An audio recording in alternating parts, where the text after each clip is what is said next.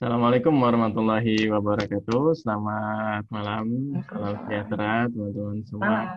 Uh, kemarin kalau di podcast Ruang Ide kita sudah coba bahas karena bulan Agustus ya. Jadi temanya mengenai kemerdekaan esensi kemerdekaan, refleksi kemerdekaan, dan hal-hal lain kayak gitu ya. Um, gue akan ditemani oleh satu co-host uh, yang baru, Sari. Yeay, selamat malam semuanya. Malam. Anak baru nih saya, mohon maaf ya. Oke, seperti biasa kita coba perkenalan dulu eh, apa namanya karena ada dua dua teman bercakap nih di podcast Ruang Ide malam ini nih. Tetapi coba kita hmm. mulai lagi dari apa yang kemarin juga sudah teman-teman dengar suaranya. Halo Mas Iwan. Halo malam. Halo ya Mas Iwan udah perkenalkan ya kemarin ya di episode satu ya. Ada Mas Santo eh, diplomat kece gitu ya diplomat muda.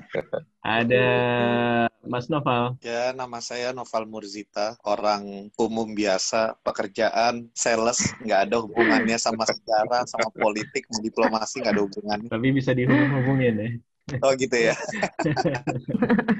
Oke, Bro Hadi posisinya nih jadi speaker nih Bro Hadi. Halo teman-teman. Iya, last but not least, Pak Dokter. Gimana Pak Dokter? Apa kabar? Halo, selamat malam. Terima kasih. Hmm. Kabar ya, puji Tuhan masih kasih sehat lah. Hmm. Itu yang penting. Ini lagi lagi nggak kerja, lagi nggak di kantor. Enggak sih, soalnya saya kantor juga di rumah aja ya. Saya kan freelance consultant untuk public health. Jadi hmm. ya kerjaan saya ya bebas-bebas aja kapan mau. Apalagi lagi pandemi gini ya Pak Dokter ya. Freelance berarti udah nggak free lagi sebenarnya kerja terus ya. ya uh, kadang aku juga bingung sih mana yang jadi minat, mana yang harusnya pekerjaan beneran. Ini sebetulnya masih ada utang lima laporan bahasa Inggris untuk lima, apa untuk webinar. Udah belum beres-beres juga nih. Oke oke oke. Eh, gimana nih Sar? Kita malam ini kita akan bahas apa nih kira-kira nih? Iya nih, udah malam minggu, jomblo terus disuruh bahas yang ruwet nih mas. Jomblonya disebut ya. Jomblonya disebut. Iya lah itu uh, tagline. Ini nih uh, kita mau bahas yang nggak kalah penting juga sih sebenarnya yang hmm. lagi ya bisa dibilang juga masih jadi pembicaraan di masyarakat juga nih. Betul. Karena kan sekarang lagi pandemi nih ya kan. Nah terus juga sekarang ternyata seluruh dunia tuh juga lagi berlomba-lomba nih. Kita mau ngomongin soal vaksin mas. Mm-hmm. Vaksin ya, makanya kita uh, invite, penting banget. invite Pak Dokter nih. Uh-uh, betul betul, makanya ini kita udah banyak pembicara-pembicara hebat yang bakal bisa ngomongin uh, tentang vaksin sendiri gitu ya. Apalagi bagi saya ini penting banget sebenarnya. Saya jadi nggak bisa kopi darat gara-gara uh, pandemi nih gitu kan, susah tapi, jadinya. Tapi Sar, lu lu ngomongin soal ini masih pandemi, sebenarnya kalau kita lihat di jalan tuh udah kayak nggak ada pandemi nggak sih? Iya, udah nggak ada pandemi, tapi kita gimana? Gimana? Tetap aja kan kita punya rasa worry juga kan di jalanan iya, gitu yeah, kan. yeah. aduh saya aja mau ketemuan sama gebetan nggak jadi-jadi nih mas gara-gara pandemi gitu. Itu itu jangan-jangan itu jangan sama lu doang bilangnya kayak gitu sama yang lain enggak apa gimana? Aduh bisa bisa bisa bisa. Oke. Okay, langsung aja kali ya mas ini Nah, soal vaksin langsung. sendiri nih, hmm, kan seluruh dunia nih lagi berlomba-lomba buat nyiptain vaksin nih. Ada dari Tiongkok, ada dari Rusia, termasuk Indonesia gitu kan. Nah, tapi uh, kita mau dengar dulu deh pendapatnya Mas Mas Santo, Santo ya. Mas Santo nih karena iya kan diplomat ya. Hmm. Jadi ah, ini ah. aja sharing aja. Kebetulan kemarin hmm. itu kan teman-teman pasti kan uh, mendengarkan beritanya mengenai Menteri Luar Negeri berkunjung ke Sanya, ketemu sama Wang Yi dan lain-lain. Mungkin mau share aja bahwa aku termasuk salah satu yang ikut di rombongannya Ibu waktu itu berkunjung ke Sanya dan melakukan pertemuan dengan Sinovac, Sinopharm, kan Sino juga dengan Wang Yi juga untuk ngomongin mengenai vaksin. Memang banyak sih yang nanya-nanya gitu kok apa namanya ke sana apakah ngomongin mengenai Laut Cina Selatan, ngomongin mengenai apalah segala macam mm. gitu. Tapi enggak, memang targetnya ketika berkunjung ke sana memang fokusnya pada bagaimana kita bisa mensecure ya komitmen terkait dengan vaksin dari perusahaan-perusahaan di Tiongkok itu utamanya dan kemudian meminta juga dukungan dari sisi pemerintah. Kayak teman-teman tahu kan Sinovac itu kan sebenarnya kan perusahaan swasta ya. Jadi dealnya mereka eh, dengan pihak Bio Farma itu kan business to business deal ya. Tapi intinya kan ini kan memang di Indonesia dan juga keperluan uh juga di Tiongkok juga. Oleh karena itu memang merupakan hal-hal yang yang dibahas gitu dan -huh. dan banyak hal-hal yang sudah di, dijelaskan oleh Sinovac ataupun Sinopharm dan mereka intinya juga -huh. melihat potensi untuk melakukan kerjasama, tidak hanya kerjasama -huh. dari sisi penjualannya, tetapi melihat kemungkinan Indonesia juga bisa dijadikan um, basis baru juga untuk produksi. Karena kan sebenarnya kita Bio Farma itu kan um, merupakan perusahaan yang yang memproduksi vaksin ya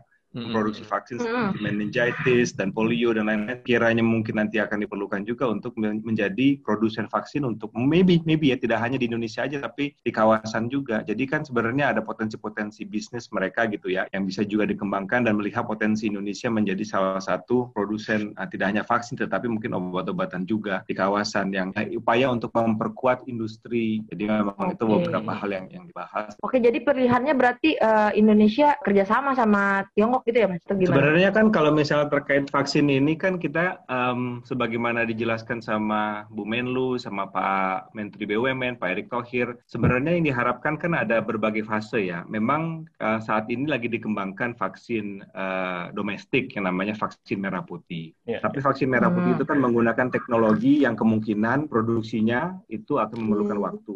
Jadi uh, untuk vaksin tuh katanya sih ya, mungkin Pak Dokter akan lebih paham mengenai ini. Ada berbagai macam cara cara untuk membuat vaksin itu. Yang paling mudah adalah yang menggunakan inactivated virus, jadi virus yang dimatikan kemudian disuntikan kembali ke manusia gitu ya. Nah itu yang cara yang paling mudah. Nah kalau nggak salah, uh, apa namanya vaksin merah putih itu tidak menggunakan cara tersebut. Jadi teknologinya agak lebih advance gitu. Bukan berarti akan lebih manjur, belum tentu juga. Itu kan intinya cara pembuatannya berbeda dan cara karena cara pembuatannya berbeda itu memang akan memerlukan waktu. Jadi oleh karena itu kita melihat vaksin yang merah putih ini mm-hmm. sebenarnya niatnya untuk istilahnya mid to long term ya developmentnya. Tapi kan untuk short term ini diperlukan sesuatu di mana yang sudah ada hasil produksinya ataupun sudah masuk dalam fase uji klinis ketiga yang istilahnya kalau setelah fase uji klinis ketiga kemudian bisa untuk di quote unquote distribute secara atau diproduksi secara masif gitu ya. Nah, untuk yang uji klinis fase 3 ini kan ada beberapa kandidat kan termasuk di antaranya Sinovac, juga ada juga dari di Inggris juga uh, kalau nggak salah AstraZeneca juga yeah. sudah masuk uji klinis fase 3 itu ya. Mm-hmm. Jadi berbagai macam upaya ini kita lakukan. Jadi sebenarnya tidak hanya dengan Tiongkok aja, tetapi juga dengan pihak-pihak lainnya. Kebetulan yang dengan pihak Tiongkok ini adalah di mana kita juga bisa melakukan kunjungan ke sana dan di UAE juga ya, Uni Emirat Arab. Karena kebetulan dengan Tiongkok dan dengan Uni Emirat Arab kita juga baru saja kembangkan yang namanya travel corridor arrangement di mana orang Indonesia mm-hmm. uh, untuk keperluan bisnis dan resmi itu diberikan kesempatan untuk sana. Karena orang Indonesia secara umum kan masih belum bisa nih masuk ke Tiongkok kan wisatawan, student masih belum bisa kan, tetapi untuk bisnis dan untuk official iya. itu sudah ada mekanismenya antara Indonesia dengan Tiongkok gitu. Jadi itu juga kita menggunakan itu makanya baru-baru Tiongkok dengan UAE karena kebetulan dengan dua negara itu kita sudah punya travel corridor arrangement dengan negara-negara yang lain masih belum ada. Jadi kan kesempatan untuk untuk pejabat kita ataupun untuk pihak bisnis berkunjung contohnya misalnya ke Inggris ataupun ke, ke ke Swiss gitu kan masih belum terbuka lebar gitu ya. Makanya eh, di korannya cuma kedengaran Tiongkok UAE aja karena kebetulan ya baru situs-situs aja yang di mana kita secara itu bisa melakukan kunjungan ke sana.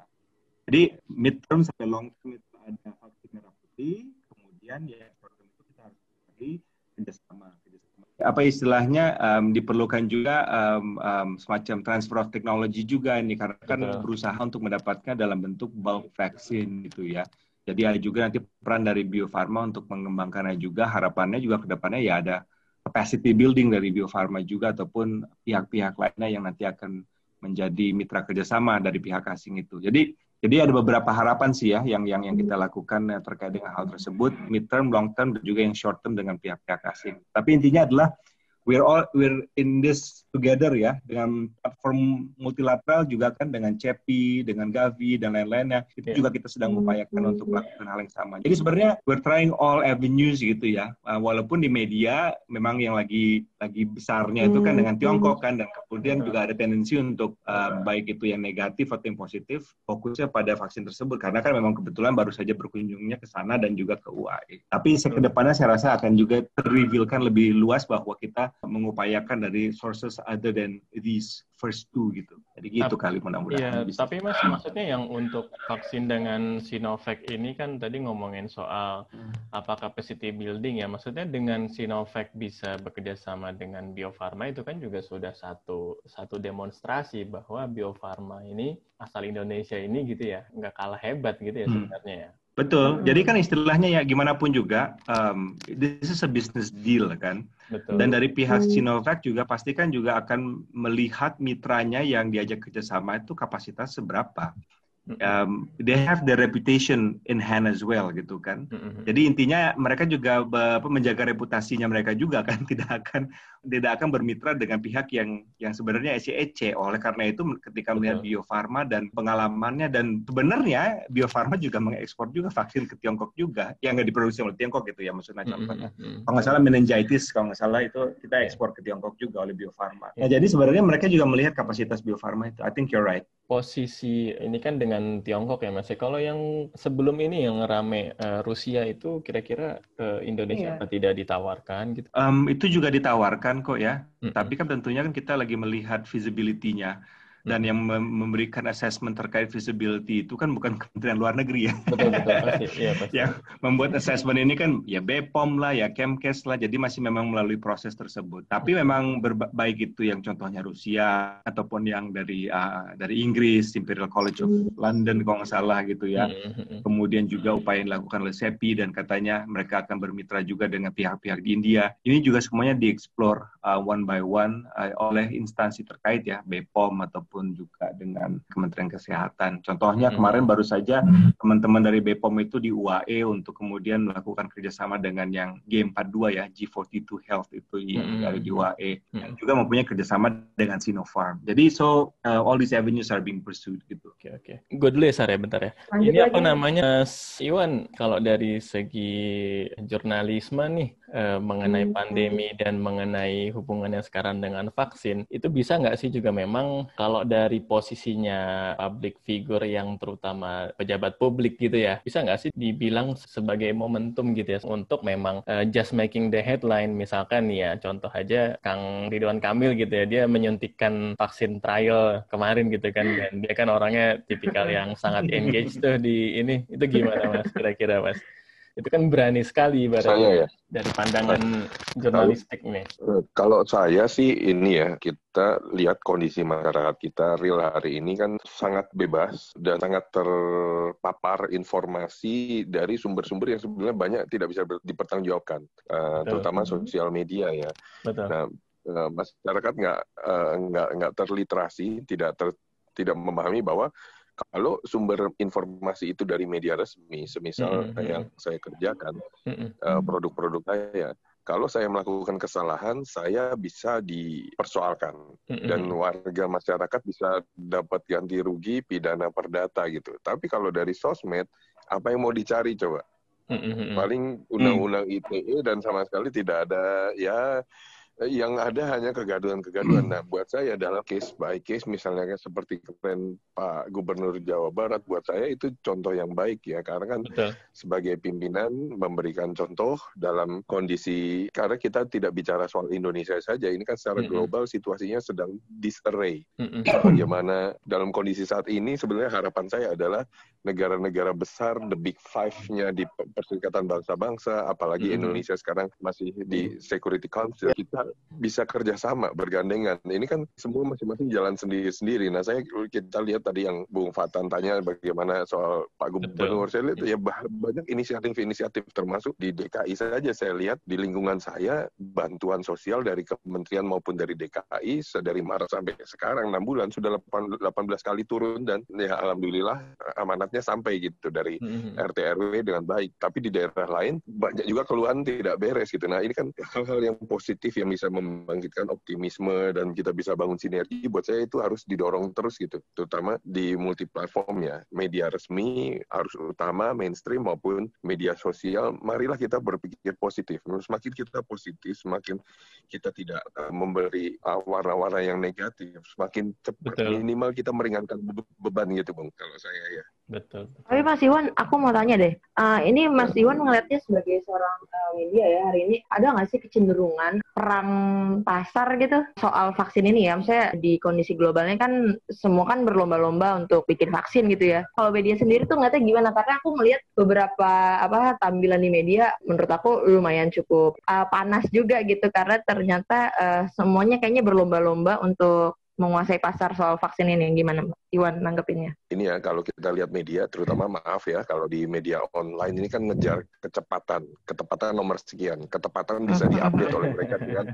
tanda kutip alat. Nah iya. ini kan jadi persoalan ketika itu yang dikejar akhirnya yang dilakukan adalah sensasi. Nah itu kembali lagi bagaimana kita bisa menyaring informasi.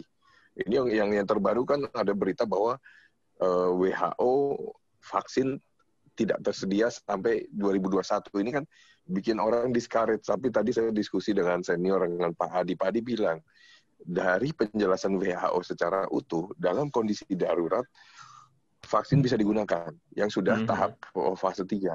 Nah, mm-hmm. ini bagaimana media memotong, membuat frame seperti itu, itu kan buat saya nggak ya, betul.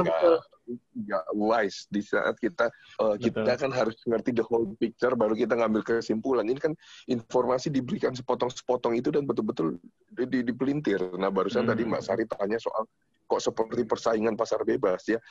Kalau pada iya, akhirnya nanti situasi sudah normal mm -hmm. dan vaksinnya misalnya ada 10 atau 20 merek, ya wajar saja kalau mereka itu. Tapi dalam kondisi krisis ini, tentunya negara yang diutamakan adalah kerjasama dan bagaimana kepentingan publik. Makanya dari pihak Inggris juga bicara hal yang sama soal vaksin publik, China juga bicara hal yang sama vaksin hmm. publik untuk hmm. situasi krisis karena ini tidak mungkin Tiongkok bisnisnya bisa jalan sendiri kalau tidak ada Asia Tenggara maupun Asia Barat.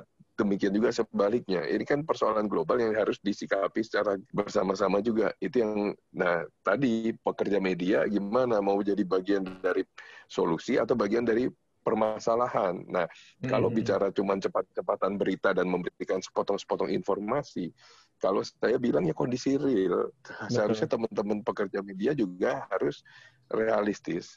Betul. mau seberapa banyak pun clickbaitnya uh, di klik medianya toh hari ini porsi iklan terbesar tuh di sosial media kan bagaimana yeah. Iya, justru iya. mengembalikan ke kepercayaan di model bisnis seperti apa ke depan media masa arus utama di saat ini ini kan semua juga masih mencari bentuk format bisnisnya belum ketemu. Oke, mas hari ini iklan di YouTube besar, tapi kita belum tahu 5-10 hmm. tahun ke depan ketika masyarakat akhirnya sudah bisa memilah informasi kan lain cerita lagi tuh. Mm -hmm.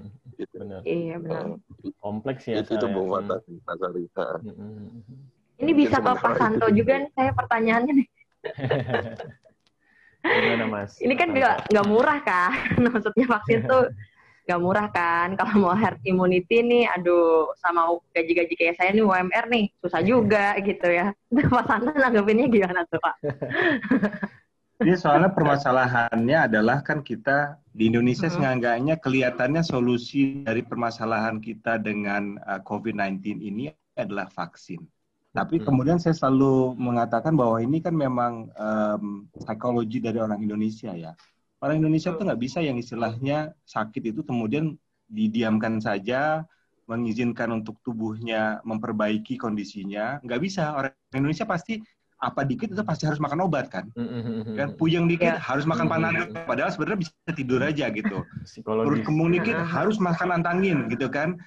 Um, misalnya yeah. udah radang, udah wah gue dia udah dua hari radang nih, harus makan antibiotik gitu kan. Padahal mungkin kalau misalnya kita ke dokter, dokter akan bilang uh, makan gorengannya dikurangin aja ya Pak. Gitu. Mungkin radang tenggorokan akan minum es teh manis. Nah, jadi betul ya, karena kemudian ketika ke kami contohnya ya, waktu kita ya ketemu sama Sinovac, kemudian Sinovac bilang katanya oh kita bisa mem, apa, bisa menjual segini banyaknya kepada Indonesia. Dan kemudian kita, saya bertanya kepada Sinovac itu loh, kalian nggak ada keinginan untuk menjual ke ke Tiongkok? Terus mereka bilang, well memang di Tiongkok juga ada, selain ada hmm. produsen hmm. lain di Tiongkok hmm. ya, kemudian di Tiongkok mereka juga nggak tahu apakah akan diperlukan segitu banyaknya vaksin. Betul. Saya bilang kenapa? Karena di Tiongkok katanya jumlah orang yang tertular itu juga sedikit katanya. Jadi kemudian saya bilang, loh, oh di Tiongkok itu belum tentu orang divaksin semuanya. Yeah, Mungkin yeah. secara bertahap ya, tetapi tidak menjadi sesuatu yang immediate karena mereka telah berhasil setidaknya untuk me me menanggulangi apa namanya uh, growth atau perkembangan dari COVID-19 iya. itu secara memutus rantainya itu iya. Saya rasa juga hal serupa juga misalnya contohnya di negara seperti Selandia Baru mm-hmm. ataupun di negara-negara lainnya gitu yang jumlah angka positif COVID-19-nya itu rendah kemungkinan mereka tidak akan immediately memerlukan istilahnya vaksin ini dibandingkan di Indonesia. Nah, di Indonesia juga sebenarnya apakah itu karena memang ada keperluannya yang yang secara saintifik benar mm-hmm. atau karena memang psikologi kita aja bahwa kalau yeah. ada iya. penyakit harus ada obatnya. Nah, itu dia. Obat, Dan itulah ya. yang kemudian mendrive mendrive harganya menjadi gila-gilaan mungkin ya. Tetapi sebenarnya juga mm-hmm. yang saya pernah tadi pernah sampai sampaikan gitu ya kepada teman-teman juga bahwa harga ini masih belum didefine Memang sudah banyak sekali okay. uh, me pihak media yang bilang bahwa ada yang harganya 6 dolar, ada yang harganya 80 dolar, ada yang harganya per itu 1000 remimbi dan segala macamnya gitu. Tetapi kalau misalnya kita tanya kepada perusahaan-perusahaan uh, vaksin, mereka biasanya belum menentukan harga. Karena juga mereka belum bisa menentukan contohnya gitu ya. Vaksin ini kuatnya berapa lama? Betul. Ya kan? Misalnya di, di, disuntikan kemudian harus menunggu kan hasil uji klinis ketiganya ini sebelum misalnya contohnya oh ini kelihatannya orang harus disuntik lagi setelah setahun atau jangan-jangan harus disuntik lagi setelah enam bulan gitu. Nah perbedaan ini tentu akan menetap, menetapkan perbedaan harga. Misalnya contohnya vaksin ini bisa digunakan kemudian dua tahun kemudian baru harus perlu suntik lagi. Ya udah jelas-jelas vaksin itu akan lebih murah karena kan uh, istilahnya apa namanya productionnya tidak perlu rush gitu ya. Tapi kalau misalnya contohnya memang setiap enam bulan orang harus suntik, nah itu juga tergantung kapasitasnya. Siapa yang mau diproduksi di mana. Contohnya misalnya kalau misalnya misalnya misalnya vaksin itu hanya diproduksi di Tiongkok gitu ya, ataupun -hmm. contohnya diproduksi di, tidak di Indonesia, tentunya akan harganya akan berbeda. Tapi kalau misalnya ternyata bisa kemudian teknologinya itu ditransfer dan kemudian diproduksi di Indonesia, harganya juga pasti akan turun. Betul, gitu. Jadi semuanya belum ada nih yang bisa memprediksi harganya. Everything is just an estimation at the moment. Gitu. Tapi intinya Tapi, di end of the day, ya intinya kalau sudut pemerintah itu peranannya gimana, uh, Mas Santo? Karena belakangan ada berita rame, Erik mm. Erik Thohir berkomentar kalau harga vaksin akan ditentukan pasar gitu. Wah, itu orang kan pada rame. Oh enggak, jadi jadi memang untuk pemerintah itu memang akan dilakukan pengadaan untuk um, yang memerlukan. Jadi um, saya belum tahu ya, at the end of the day nanti berapa persentasenya dari pihak-pihak yang ada di dalam BPJS itu nanti yang akan mendapatkan vaksin secara gratis. Tetapi kemudian untuk menggratiskan vaksin untuk seluruh Indonesia, terutama untuk untuk pihak-pihak yang istilahnya kemungkinan bisa juga membeli vaksin dengan kemampuannya sendiri, kemungkinan itu akan ada istilahnya eh, terpisah gitu ya. Ada yang nantinya akan diberikan melalui yang didukung oleh pemerintah, bagian dari BPJS, pihak-pihak tertentu nantinya yang kemungkinan akan dilakukan pengaturan siapa-siapa yang berhak, siapa-siapa juga yang kalau misalnya tidak mau menunggu giliran kemudian bisa istilahnya jumping the queue sources yang lainnya. Ya itu mungkin yang yang dimasukkan oleh Pak Erik ya saya kurang juga kurang mengerti apakah beliau bermaksud uh, menyampaikan seperti itu. Tetapi intinya adalah bahwa sebagaimana kita ketahui sources of vaccine ini tidak hanya satu kan. Betul. betul. Yang di mana istilahnya Bio Farma sudah melakukan kerjasama kan at the moment baru Sinovac dan kemudian Kimia Farma kemudian dengan G42. Belum ada lagi yang lainnya. Nah tapi kan tidak tertutup tuh kemungkinan karena contohnya ya sebagai hmm. contoh Kalbe itu sedang bekerjasama dengan Genesin di Korea Selatan. Nah kalau Kalbe dengan Genesin ternyata mengeluarkan vaksin juga itu kan hasil istilahnya hasil buatan Kalbe dan vaksin dan kemudian mereka juga pastinya ketika menjualnya tidak mungkinlah menjualnya dengan harga yang exorbitant pasti dengan harga yang comparable dengan buatan AstraZeneca yang katanya katanya sekitar 6 dolar per piece. Jadi tentunya kan uh, kalau misalnya kita bi biarkan kepada pasar untuk kemudian menetapkannya juga pasti akan ada adjustment di situ. Memang awalnya mungkin akan seperti masker ya, seperti masker. Hmm, Salah satu betul, box betul, itu saya ingat lah harganya pernah sampai 600 ribu, tapi sekarang di mau di Alfamart ya banyak gitu yang tiga iya, pieces cuma 15 ribu. Market, iya. Oh. Pak dokter mungkin okay. nih, Pak dokter nih gimana hmm. nih melihat dari maksudnya benar kata Mas Santo ya maksudnya dari segi kebutuhannya juga ini kan belum terlihat seperti misalkan meningitis yang orang diwajibkan untuk injek seperti kalau misalkan mau haji gitu ya atau misalkan kalau vaksin polio gitu, uh, yang yang hmm. apa yang waktu kecil harus dan wajib gitu ya. Sedangkan ya memang kalau COVID-19 ini pendekatan penyembuhannya juga ya cukup banyak gitu ya. Pak dokter gimana nih kira-kira ini? Pertama mungkin saya mau kasih tahu dulu bahwa vaksin itu bukanlah obat ajaib yang akan menyembuhkan segalanya. Vaksin ini dia masih juga bergantung pada daya tahan tubuh. Betul. Vaksin ini kan dia itu tujuannya adalah untuk membangkitkan sistem kekebalan tubuh. Betul. Artinya uh, dia memicu supaya tubuh kita kebal terhadap sesuatu. Ya misalnya dengan polio gitu kan. Betul. Vaksin polio itu membuat anak tidak terkena polio. Walaupun Betul. virus polio itu ada bertebaran di udara, masuk ke pernapasannya si anak, tapi karena dia sudah punya antibodi terhadap polio, polio ini tidak bisa melakukan apa pun terhadap uh, tubuh si anak itu. Jadi anak itu tidak akan demam, tidak akan lumpuh. Gitu. Jadi vaksin ini gunanya untuk membangkitkan uh, kekebalan tubuh. Nah, betul, betul, betul. tadi memang disebutkan bahwa jenis-jenis vaksin itu ada macam-macam, betul ya. Vaksin mm-hmm. itu ada yang vaksin yang aktif dari uh, apa agen yang aktif, ada vaksin yang inaktif, ada juga toksoid. Uh, kalau kita pernah dengar tetanus toksoid, mm-hmm. gitu ya itu uh, jenisnya beda lagi. Lalu kemudian juga ada yang uh, vaksin yang rekombinan, dia yang dibuat khusus untuk tujuan tertentu. Tapi semua tujuan vaksin itu sama, dia untuk membangkitkan daya tahan uh, daya tahan tubuh kita tuh ada dua jenis. Ada yang umum gitu ya. Kalau tadi dibilang bahwa banyak jenis vaksinnya, ya. Nah itu nanti kita nunggu sekarang nih yang fase 3 ini pembuktiannya ya. Mana yang lebih efektif, mana yang lebih bisa uh, apa, secara ekonomis. Jadi nanti uh, pada akhirnya kita akan ketemu satu vaksin yang harganya lebih murah, penggunaannya nggak banyak, artinya mungkin cuma sekali suntik aja dia akan kasih imunogenitas jadi imun itu adalah kekebalan, genitas itu pembangkit, jadi perlu di booster lagi setelah itu. Nah, kemudian juga dia harga lebih murah dan mm-hmm. pemberiannya mudah.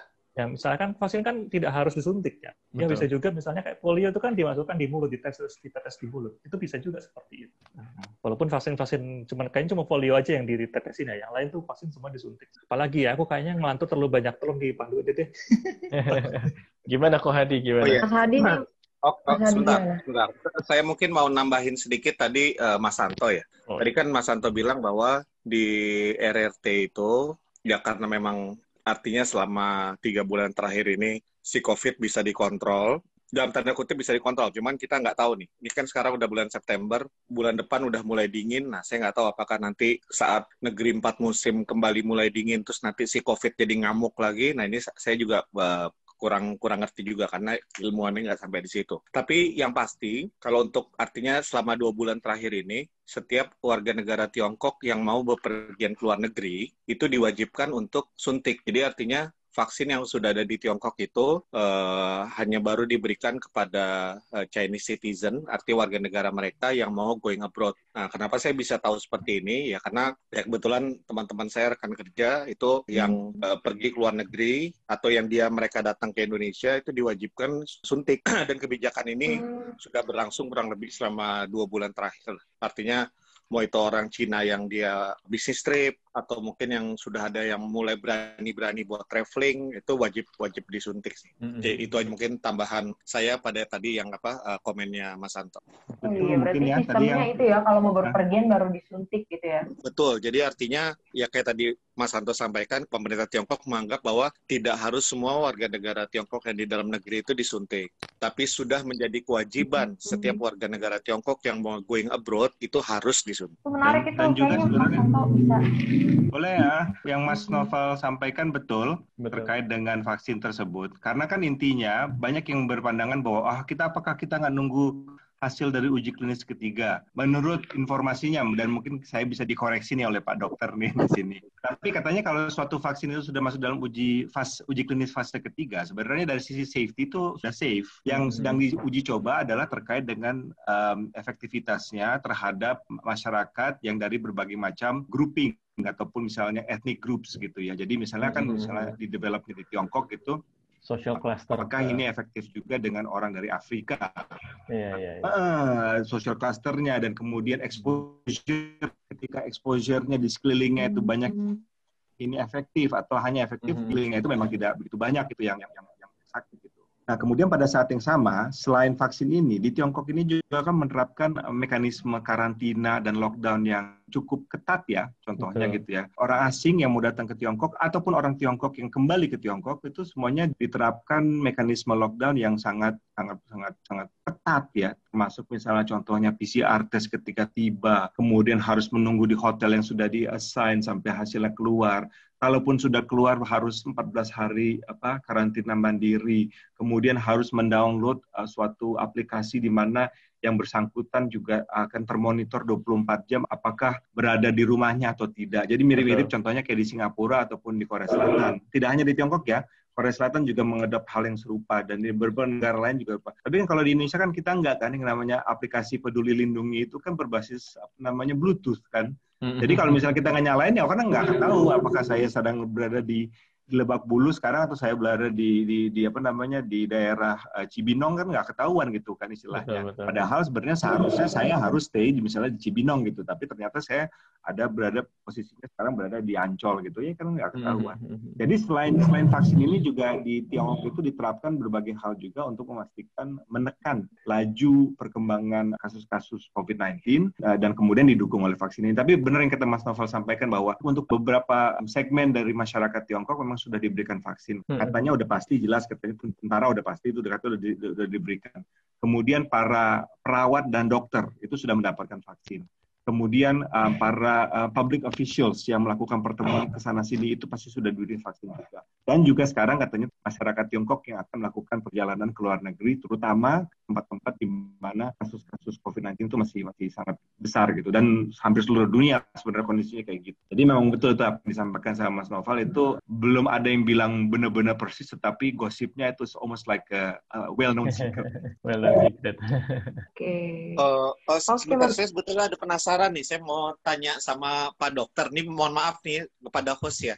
Yang hmm. tadi saya sudah sampai hmm, apa, sudah bicarakan. IRT ini kan sekarang sudah di bulan September ya. Karena pengalaman saya dulu, saya sekolah di Tiongkok tuh daerah saya itu cukup dingin. Daerah Senyang itu bisa minus 25 tuh kalau lagi winter. Itu artinya mulai bulan November sampai biasanya sampai bulan Maret. Nah pertanyaan saya berikutnya, ya artinya di negeri empat musim ya. Kemarin kan Italia sempat gawat, Inggris sempat gawat. Cuma begitu di masuk musim panas mereka sudah menurun kan. Nah ini kan artinya sebentar lagi ini juga sudah mau masuk winter lagi. Apakah virus itu memang betul-betul sudah terkendali atau nanti begitu masuk winter lagi terutama daerah yang sangat dingin tidak menutup kemungkinan si covid nih bakalan ngamuk lagi itu artinya dia akan naik lagi. Nah ini yang saya sebetulnya agak penasaran. Apakah si covid ini dia akan semakin ganas saat udara dingin atau dia memang sebetulnya ganas di semua cuaca? Nah itu yang saya agak penasaran. Wah karena sulit ini. Menarik menarik menarik saya tanya tadi Mas Noval. Noval, Noval. Oh, Mas Noval ya. Ya, Mas Noval. Jadi gini, itu masih anekdotal Mm-hmm. pendapat yang hipotesis ya, hipotesis yang masih anekdotal gitu loh. Apakah ah, virus ini akan lebih ganas kalau di musim dingin gitu kan, atau juga musim panas?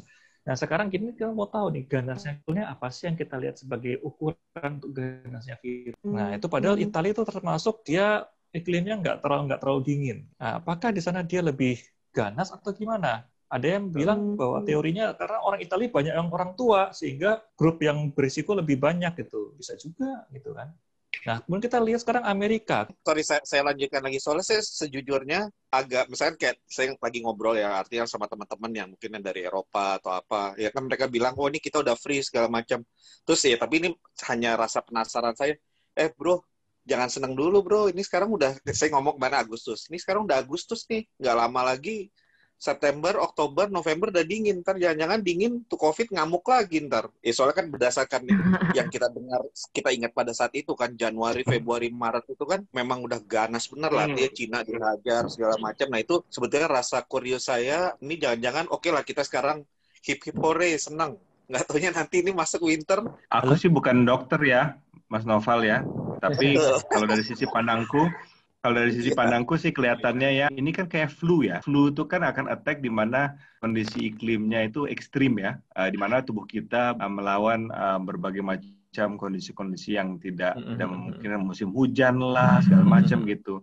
Jadi masuk akalnya sih logikanya memang kalau misalnya kondisi cuacanya ekstrim pasti akan menyebabkan kelemahan dari tubuh ya, bukannya dari sisi apakah itu vaksinnya lebih mudah berpindah-pindah atau tidak gitu, tetapi tubuhnya kita itu kapasitas kita untuk menahan serangan dari apa dari virus itu.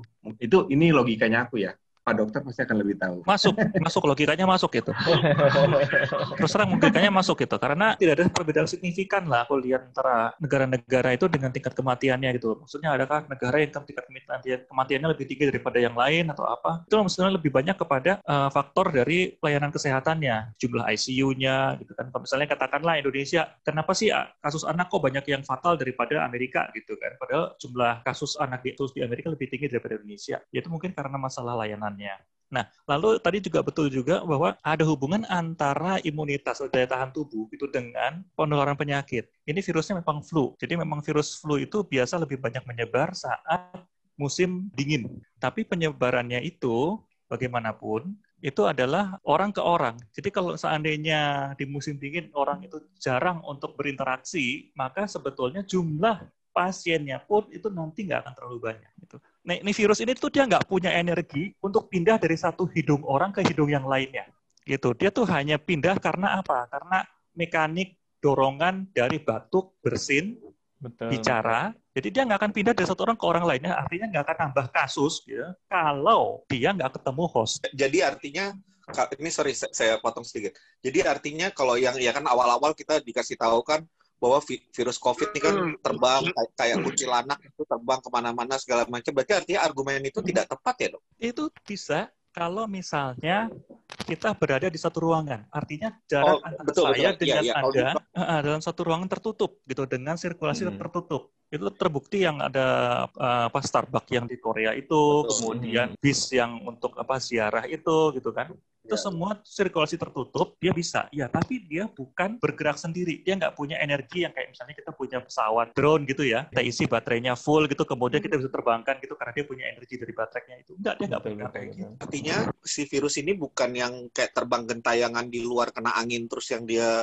bisa ke mana-mana nggak nggak model kayak gitu ya dok ya? Uh, less likely ya. Aku tuh nggak yakin, sangat-sangat nggak yakin bisa seperti hmm. itu. Karena gini, oh. kita bisa melacaknya dengan kontak tracing. Nah, sekarang kalau misalnya ini nyebarnya kayak angin seperti itu, kontak tracingnya kan setengah mati. Berarti bukan aerosol ya dok? Bukan, mas, uh, mungkin gini saya tambahkan.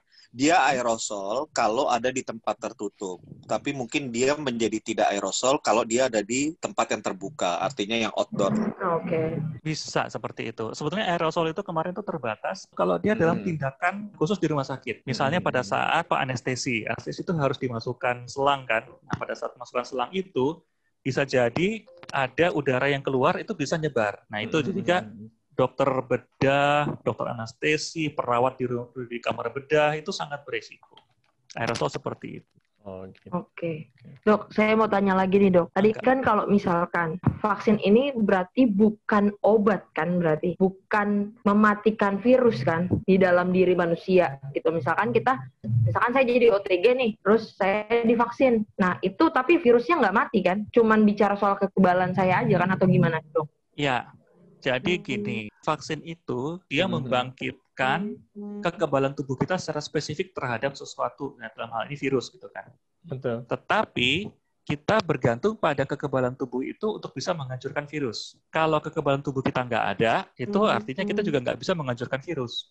Berarti orang yang divaksin kemungkinan juga bisa menularkan atau enggak dok? Uh, ada sebetulnya ada ada jeda waktunya ya antara dia mulai hmm. divaksin dengan mulai timbulnya kekebalan. Itu nggak nggak serta merta uh, begitu habis disuntik kemudian dia langsung kuat boleh, kayak boleh ke mana-mana. Kapan ajaib itu enggak enggak iya enggak kayak orang enggak kayak paracetamol dok. paracetamol gitu. Oh, paracetamol aja masih ada waktunya dia butuh 30 menit.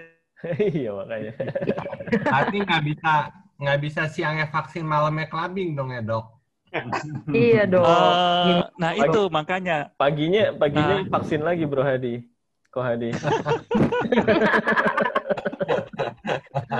uh, mungkin vaksin yang berbeda kali ya. Uang jajannya habis itu deh. oh, oh, oh iya sebentar, saya ada mau tambahkan lagi. Menurut info yang dari teman saya itu yang di orang Tiongkok, jadi artinya policy dari pemerintah Tiongkok itu kan setiap warga negara Tiongkok yang mau keluar negeri, going abroad, mau itu bisnis trip atau apa pun kan hmm. mereka harus disuntik. Hmm. Nah di saat mereka kembali ke negara mereka, itu mereka harus disuntik lagi. Jadi artinya dua kali itu katanya. Saya baru baru ingat barusan. Bisa jadi karena gini, uh, sekali lagi ini kan uh, apa virusnya baru ya. Yeah. Kita nggak tahu sejauh mana vaksin yang ada sekarang itu bisa mempertahankan kadar kekebalan tubuh yang cukup di dalam tubuh kita untuk melawan si virus. Terus apakah itu akan eh, katakanlah itu kalau virusnya sama ya, tapi kalau misalnya virusnya beda, ini hmm. nanti akan jadi masalah lagi. Karena vaksin yang sudah dibikin untuk satu virus A, dia mungkin nggak efektif untuk virus yang kemudian bermutasi jadi B. Hmm. Nah, ini nah, bahaya. Itu, virus COVID ini kan terkenal dengan mutasinya yang sangat cepat ya. Nah, seberapa efektifnya ini vaksin kalaupun sudah ditemukan dan sudah beredar, seberapa efektifnya? Kejar-kejaran kayak polisi maling gitu dong, kejar-kejaran sama mutasi. Uh, ya, gini. Jadi uh, itulah gunanya genome sequencing ya yang bisa meng, apa, mengoperasi virus ini kemudian kode genetiknya semua dijem, dijabarkan ini loh seperti ini nah itu yang terjadi waktu awal Januari sehingga Cina itu dia bisa mengeluarkan ini genome sequencing untuk virus ini mm -hmm. Nah, itu akibatnya itu sangat mempercepat. Jadi semua vaksin yang dibuat itu untuk mentarget beberapa protein khusus yang ada di situ. Kita ya, kenal ya, ya. ada protein S, kalau nggak salah ya. Tapi yang menjadi penentu itu ada tiga atau empat protein. Itu yang kemudian ditarget oleh vaksin. Nah, yeah, yeah. selama mutasinya tidak merubah protein-protein itu, vaksin masih bisa dipakai. Tadi hmm. saya katakan bahwa beberapa protein yang jadi penanda khusus itu yang nggak boleh hilang. Dok mau nanya nih dok, Maaf, ini saya baca beberapa uh, tulisan terkait soal vaksin ini termasuk yang Oxford dan dibilang vaksin ini kan bekerja di sirkulasi darah dan organ tubuh. Jadi kalaupun vaksin ini nanti berhasil dan efektif, dia mencegah infeksi di saluran pernafasan bawah. Jadi di, paru-paru, di gelembung pernafasan. Jadi intinya infeksi masih bisa terjadi, tapi seperti flu biasa di rongga atas, di rongga hidung, rongga tenggorokan, tapi dia tidak bisa mengancam dan merusak sistem pernafasan kita. Dan yang di situ berpengaruh ke sirkulasi darah, ke organ-organ tubuh. Nah, apakah bakalnya seperti itu dok? Dan kalau seperti itu, kan masyarakat perlu juga terliterasi, diberitahu dengan jelas, jangan nanti mereka mereka pikir sudah divaksin dua kali, sudah kebal, nggak pakai masker, akhirnya tetap terinfeksi. Infeksinya memang cuma di rongga atas, tapi tetap Betul. itu bisa menulari orang lain. Nah, apakah seperti itu, dok? Ini ya dan tidak nih. Gini, pada dasarnya kalau vaksinasi itu berhasil, maka seluruh tubuh kita itu akan timbul satu polisi khusus yang Betul. target penjahat yang khusus di mana pun berada. Artinya hmm. tidak hanya di bagian dalam saja, tetapi bahkan permukaan-permukaan yang di luar pun yang katakanlah saluran saluran tenggorokan gitu ya, atau bagian belakang dari hidung yang tempat biasa ngambil swab, itu pun juga dijaga. Gitu. Artinya mm. sebetulnya bisa aja seperti itu. Cuman memang infeksi itu ada beberapa parameternya. Antara lain adalah jumlah agen atau virus yang masuk. Nah, kalau jumlahnya banyak, tentu nggak serta-merta langsung bisa dihajar akan panggil teman-temannya dari daerah lain supaya bantu dia. Cuma kan itu butuh waktu, nggak akan secepat iya. itu. Nah, pada saat jeda waktu tersebut, maka si virus ini bisa nempel. Dia masih bisa nempel, dia mungkin masih bisa untuk dia mereplikasi sekali, dua kali gitu kan. Sebelum akhirnya dia dibunuh sama polisi-polisi. Nah, pada saat itu, kemungkinan dia untuk menular ada, walaupun sebetulnya sangat kecil. Tapi secara logika, itu masih bisa dimungkinkan untuk menular. Jadi intensitas terpaparnya virus itu mengaruh banget ya dok ya? Antara lain, jadi apa satu agen penyakit bisa masuk dalam tubuh kita itu antara lain jumlahnya, kemudian lamanya terpapar, hmm, Betul. dan juga sifat si agen itu apa patogenitas atau virulensinya seperti apa. Kalau dia sangat gampang menular, ya kayak virus ya virus itu sangat gampang menular gitu kan, maka kita akan cenderung bisa ketularan. Dok, uh, balik ke pembahasan tadi, mengenai mutasi virus itu sendiri yang sudah muncul ke permukaan sampai saat ini nih mutasi-mutasinya itu yang dokter tadi bilang tiga atau empat yang penting itu masih sama atau juga beda tuh dok? Kalau terjadi perbedaan maka WHO akan langsung umumkan hmm. karena itu sangat penting oh, iya, iya. karena itu artinya bisa berapa ratus vaksin yang sudah dibuat itu semuanya nggak berguna nggak berguna itu bodong semua gitu. Aku mau nanya nih sama Mas Iwan. Nah, sebenarnya ini kan karena beritanya simpang siur nih ya Mas soal soal vaksin. Ini sebenarnya yang dibutuhkan sama publik tuh apa sih sebenarnya informasi yang seperti apa yang yang membuat hari ini kan jadi masyarakat ya udah acuh tak acuh ya kalau menurut saya melihat kondisi masyarakat Indonesia ya sebagai jurnalis kan mungkin Iwan bisa jelasin uh, lebih detail ya. gitu. Eh, kalau saya paling mendasar sekali, ini kan hal yang sangat serius dan spesifik. Persoalan dalam dunia jurnalistik hari ini, kebanyakan media sekarang tidak invest di sumber daya manusia dalam arti misalnya di tempat saya bekerja itu ada senior-senior yang memang mendalami public health, kesehatan publik. Jadi memang hmm. ada yang baru pensiun itu memang S2 dan mengikuti kajian-kajian terus-menerus kesehatan publik itu sampai di Amerika Serikat sekolahnya. Nah sekarang ada yang meneruskan public health-nya di Belanda dan sering ke jaringan di luar negeri. Jadi mereka ngerti isu apa yang penting dan yang masyarakat harus tahu karena bisa hmm. menjembatani antara dunia teman-teman dunia kesehatan di klinis maupun di pembuat kebijakan di kesehatan publik dengan masyarakat. Nah, ini yang tidak banyak terjadi di teman-teman media terutama maaf saya nyebut spesifik media online. Itu yang tadi ketika muncul informasinya sepotong-sepotong dan tidak karuan akhirnya karena yang dikejar hanya untuk rame, banyak yang melihat. Padahal kalau saya dulu belajar jurnalistik, kami training tuh sebelum diangkat jadi karyawan itu dua tahun lebih. Itu betul-betul bahwa kita bekerja itu untuk ada sesuatu yang disampaikan ke masyarakat, bukan cuma sekedar jualan ke keributan keramaian. Nah, itu kan mau ke mana masyarakat kita dan seberapa cepat kita bisa bergerak maju sebagai negara dan masyarakat, ya salah satu faktor terpentingnya ya informasi yang masuk, karena dari informasi inilah langkah-langkah diambil oleh pembuat kebijakan maupun per individu anggota masyarakat. Kalau informasinya sepotong-sepotong dan saling bertentangan dan hanya menjual keramaian atau sensasi, ya kita terbayangkan akan seberapa cepat kita bisa melangkah ke depan sebagai negara, masyarakat, dan sebagai individu gitu loh. Itu sih Mbak kalau hmm. saya lihat ya. Betul betul. Oke, bagus banget ya. Iya tuh. Gimana nih? Uh, penting banget ternyata ya bahas kayak gini tuh soalnya aku sebagai masyarakat awam tuh luar biasa beritanya simpang siur. Ternyata manfaatnya banyak banget nih podcast hari ini. Dapat langsung dari Pak Dokter, dari Pak Santo juga ya. gitu sebagai diplomat, dan ya, dari Mas ya. Iwan juga sebagai media. Keren banget ya. Dari Pak Dokter ada closing mungkin? Iya. Uh, ini vaksin tuh masih lama, masih beberapa bulan lagi dan kita harus hidup sampai vaksin itu bisa digunakan ya. Ini kalau misalnya saya minta tolong ke teman-teman dan juga yang semua yang ada di sini supaya kita berjuang untuk kita turunkan dulu deh jumlah pasien apa jumlah yang tertular gitu. Ya caranya ya dengan ya ikutin lah yang maksudnya pakai masker selalu, ya. kemudian jaga jarak, hindari kerumunan, cuci tangan, ya pokoknya bersih dan sebagainya. Hindari juga terutama ini hindari untuk keluar rumah. Karena selalu kegiatan keluar rumah, kemudian kita berinteraksi dengan orang lain itu selalu beresiko. Betul. Dan apa untuk pertama orang tua ya supaya benar-benar dijaga karena udah banyak sekali yang terpaksa kalau saya bilang sih belum waktunya tapi udah dipanggil duluan gitu gara-gara covid yeah. ini dan juga untuk teman-teman dokter juga ini kasihan banget mereka juga betul, banyak ya betul. udah 100 lebih ya iya. Mm-hmm. udah 105 lebih mm-hmm. gitu uh, ini saya share di uh, di chat room konsep dasar perubahan perilaku mungkin bisa dipelajari ini baru keluar tanggal 30 Agustus kemarin dari mm-hmm. Satgas mungkin ada yang punya juga mohon maaf jadi double posting silakan mm-hmm. dipelajari karena uh, kita sekarang ini kita ingin merubah perilaku. Kita udah berhasil merubah perilaku dari Maret kemarin sedikit orang yang pakai masker, sekarang udah lebih mayoritas yang pakai masker. Itu Betul. sudah suatu perubahan yang luar biasa. Tapi kita nggak mau cuma berhenti sampai di situ aja, kita mau lebih jauh lagi supaya benar-benar penyakit ini atau COVID ini tuh jangan terlalu banyak makan korban. Nah, strategi-strategi tersebut yang ada di dokumen ini mungkin bisa dimanfaatkan oleh teman-teman.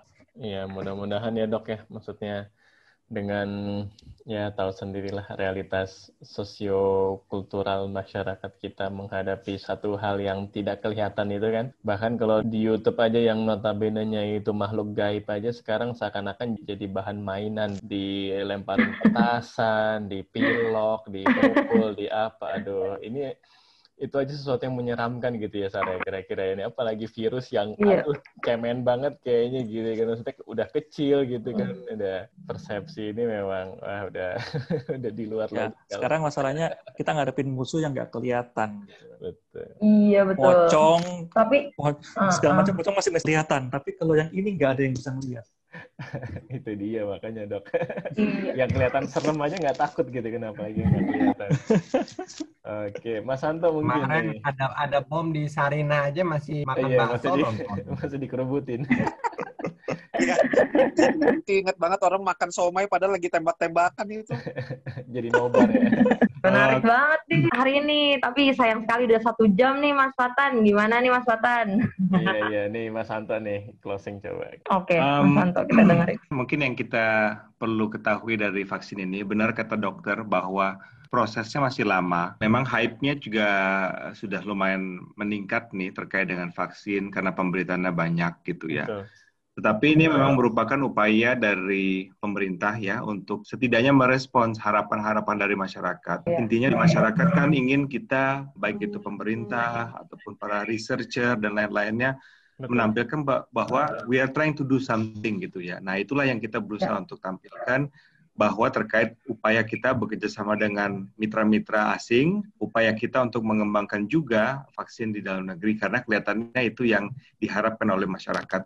Nah, tapi benar kata Pak Dokter tadi bahwa hal tersebut at the moment it's a mid-term sampai long-term planning. Yang short-term planningnya itu justru yang menggunakan masker, mencuci tangan, kalau misalnya di rumah saja, kecuali ada keperluan yang benar-benar penting uh, di luar gitu. Nah, hal, hal tersebut itu yang sebenarnya harus kita lakukan sekarang dan kelihatannya orang sudah mulai lupa tuh karena sudah banyak wah vaksin sebentar lagi nih udah akan ada gitu. Jadi kita ngasal aja gitu. Nah, itu yang sebenarnya agak berbahaya tuh. Nah, kalau di Indonesia mungkin tidak menghadapi permasalahan sama seperti di negara dengan par musim ya, seperti yang Mas Novel sampaikan tadi ya, bahwa kita kondisinya akan seperti kayak gini-gini aja. Tetapi kalau kita lihat dari angkanya, angkanya setiap hari akan semakin meningkat gitu ya. Dan dengan kapasitas untuk testing kita yang semakin membaik, kelihatannya akan semakin kelihatan tuh bahwa jumlahnya sebenarnya seperti yang mungkin ya, mungkin yang diprediksi beberapa pihak bahwa lebih dari yang kita prediksi bahwa dengan kita semakin baik kita testingnya, semakin baik kita tracingnya, semakin banyak juga itu angka-angka yang akan timbul dan kita nggak tahu nih apakah orang kita sudah semakin kebal saja dengan dengan informasi ini atau kita justru uh, masyarakat kita jadinya lebih hati-hati. Saya kok melihatnya orang-orang itu sudah nggak memperhatikan lagi atau mungkin mudah-mudahan itu asumsi yang salah dari saya ya. Tapi harapannya adalah ke depannya kita untuk lebih memperhatikan apa yang ada di depan pada saat yang sama mengikuti juga perkembangan terkait dengan itu aja. Betul betul betul. Oke. Okay. Uh, Oke. Okay. ada Mas Nova atau Kohadi nih mau Mas Nova Kohadi. Udah udah cukup. Terima kasih banyak nih. Mau nanya boleh nggak? Boleh, boleh. Ya, ya, silakan. Mau nanya ke Pak Dokter sama Pak Santo, ini kan uh, uji fase 3 ini beberapa kandidat vaksin juga sudah dikembangkan untuk lansia dan dianggap menjanjikan. Nah, bagaimana perkembangannya untuk anak-anak kira-kira tahun depan arahnya ke situ juga nggak? Karena ya kita-kita yang dewasa sehat, kalau anak-anak kita dia balita dan di bawah 18 tahun ini beresiko kan rentan juga ya buat regenerasi kita itu. Terima kasih. Kalau hey, boleh saya sedikit Baik, monggo, monggo, monggo Pak Dokter, silakan. Ah, Mas Santo aja duluan, Mas Santo duluan. Kalau saya informasinya ini, ini apa namanya second hand lah informasinya. Tapi kalau yang diceritakan beberapa pihak gitu yang pernah bercerita kepada kami, bahwa ada beberapa perusahaan yang memang sudah melaku, sudah mulai melakukan studi lebih lanjut ya, berdasarkan hasil dari uji klinis keduanya dan juga early results dari uji klinis ketiga juga, mereka sudah memulai yang namanya research yang spesifik terhadap um, lansia Nah, research spesifik terkait yang anak-anak yang yang muda, apa anak-anak yang anak-anak ya, itu mungkin baru yang berikutnya setelah research uh, dengan apa terkait dengan grup lansia ini selesai dilakukan. Ada beberapa pihak mengatakan bahwa kemungkinan research untuk itu baru akhir tahun tuh selesai konklusif ya terkait hmm. dengan dampak dari vaksin terhadap lansia. Artinya setelah itu baru kemudian yang terkait dengan anak-anak. Jadi memang fasenya ini um, apa namanya bergeraknya masih masih ada urutan-urutannya. Walaupun menurut ya menurut informasi dari beberapa pihak yang mengembangkan vaksin yang sedang dilakukan ini it's crazy the speed at what uh, we are doing at the moment gitu ya seluruh, seluruh pihak mau itu di Tiongkok, di Eropa, di Amerika Serikat, Australia dan lain-lainnya. Ini nggak pernah istilahnya vaksin itu berhasil ditemukan segini cepatnya. Ini, ya. ini bisa dilakukan cuman karena memang ada elemen kerjasama seperti tadi disampaikan oleh Mas Iwan juga sama Pak Dokter. Jadi bahwa memang ada elemen kerjasama yang dilakukan bersama-sama ini. Jadi harapannya ya kita bisa bersama-sama juga mengembangkan sesuatu yang terbaik. Mudah-mudahan itu aja. Betul, betul. Kolaborasi lah intinya ya, Sar ya. Iya benar dari semuanya dari masyarakat sipil, tenaga kesehatan, dan stakeholder yang lainnya juga memang harus termasuk alam gaib ya enggak nih secara alam gaib nih gimana nih? Alam gaib banyak berkolaborasi mungkin ya kalau ada kalau ada masuk ini mungkin bisa. Dari doa ya kan? Alam gaib untuk membantu, untuk membantu proses logistik lebih cepat. Iya. bisa pakai telepati ya kan? Gimana Pak Dokter? Oke ini udah satu jam oh uh, masih ada dari Pak Dokter oke oke oke mau, mau jawab yang Pak Iwan punya Siap, siap. Jadi gini, memang yang apa uh, untuk anak itu biasanya tuh sangat hati-hati hmm. karena uh, uji cobanya itu nggak sembarangan. Yang masalahnya kalau sampai terjadi sesuatu pada anak pada saat uji coba itu konsekuensinya besar sekali. Hmm. Jadi uh, yang sekarang ini dikejar adalah mengejar supaya di luar populasi anak bisa divaksinasi duluan. Hmm. Kita tahu kan herd immunity ya. Nah, ya, herd immunity ini. Nah, populasi anak di Indonesia itu yang di bawah, katakanlah kalau misalnya kita punya 5 juta bayi lahir tiap tahun, maka populasi yang di bawah umur 5 tahun itu ada 25 juta. Gitu. Nah, mereka ini adalah kelompok rentan. Kenapa? Karena sistem imunnya tuh belum benar-benar terbentuk dengan baik, belum matang. Nah, Betul. Sehingga kalau mereka divaksinasi, takutnya malah terjadi kebalikan dari harapan. Betul. Paham nggak? Betul. Nah, misalnya dulu kan ada vaksinasi vaksinasi yang akhirnya aktif gitu kan, polio. Gitu. Hmm, hmm, hmm, Kita tahunya kalau dikasih vaksinasi polio maka tubuh akan memberikan imunitas terhadap polio. Tapi yang terjadi di Madura dan yang di Papua waktu itu malah yang dikasih vaksin itu yang kena polio. Ini kan sesuatu yang berbahaya. Nah, jadi uh, pasti dia akan belakangan. Cuman tergantung juga dari jenis vaksinnya. Kalau misalnya vaksinnya itu kan tadi saya bilang ada empat. Kalau seandainya Betul. jenis vaksinnya itu adalah bukan yang terlalu apa antigennya terlalu tinggi, maka ini bisa diberikan pada anak. Misalnya yang tadi dia diberikan hanya antigennya saja sehingga hanya untuk memicu sistem kekebalan itu mungkin bisa diberikan pada anak. Ini memang masih masih agak jauh ya untuk anak ya, tapi saya setuju bahwa apa yang sekarang ini adalah yang populasi biasa aja dulu. Sekitar kita bisa tutup 80% populasi semua tervaksinasi, Betul. Uh, terimunisasi, maka yang 20% bisa terproteksi. Dan diharapkan yang 20% ini adalah anak. Oke, oke, oke. Berharap cepat pulih ya. Benar biar dunia. Sama-sama normal lagi nih semuanya nih karena dampaknya mm -hmm. ke mana-mana nih Sar ya. Termasuk. Mm -hmm. Jadi aku tuh jadi ya. belajar gitu. Jadi belajar bahwa hidup bersih itu sebenarnya memang harus gitu ya, benar-benar harus jadi kebiasaan gitu loh. Hmm, benar. Oke, ini mau closing ya Mas Watan? Iya udah, oke. Okay. Uh, eh, terima kasih nih buat terima kasih nih. Pak Dokter. Iya. Sama-sama. Buat mas-mas kalian ya, Mas Santo, Mas Iwan. Thank you, thank you. Mas Iwan, Mas Santo, Mas Noval, Mas Adi. Ya. Terima kasih teman-teman yang sudah mendengarkan podcast Ruang Ide episode kedua kita bahas vaksin dan sedikit ke alam gaib.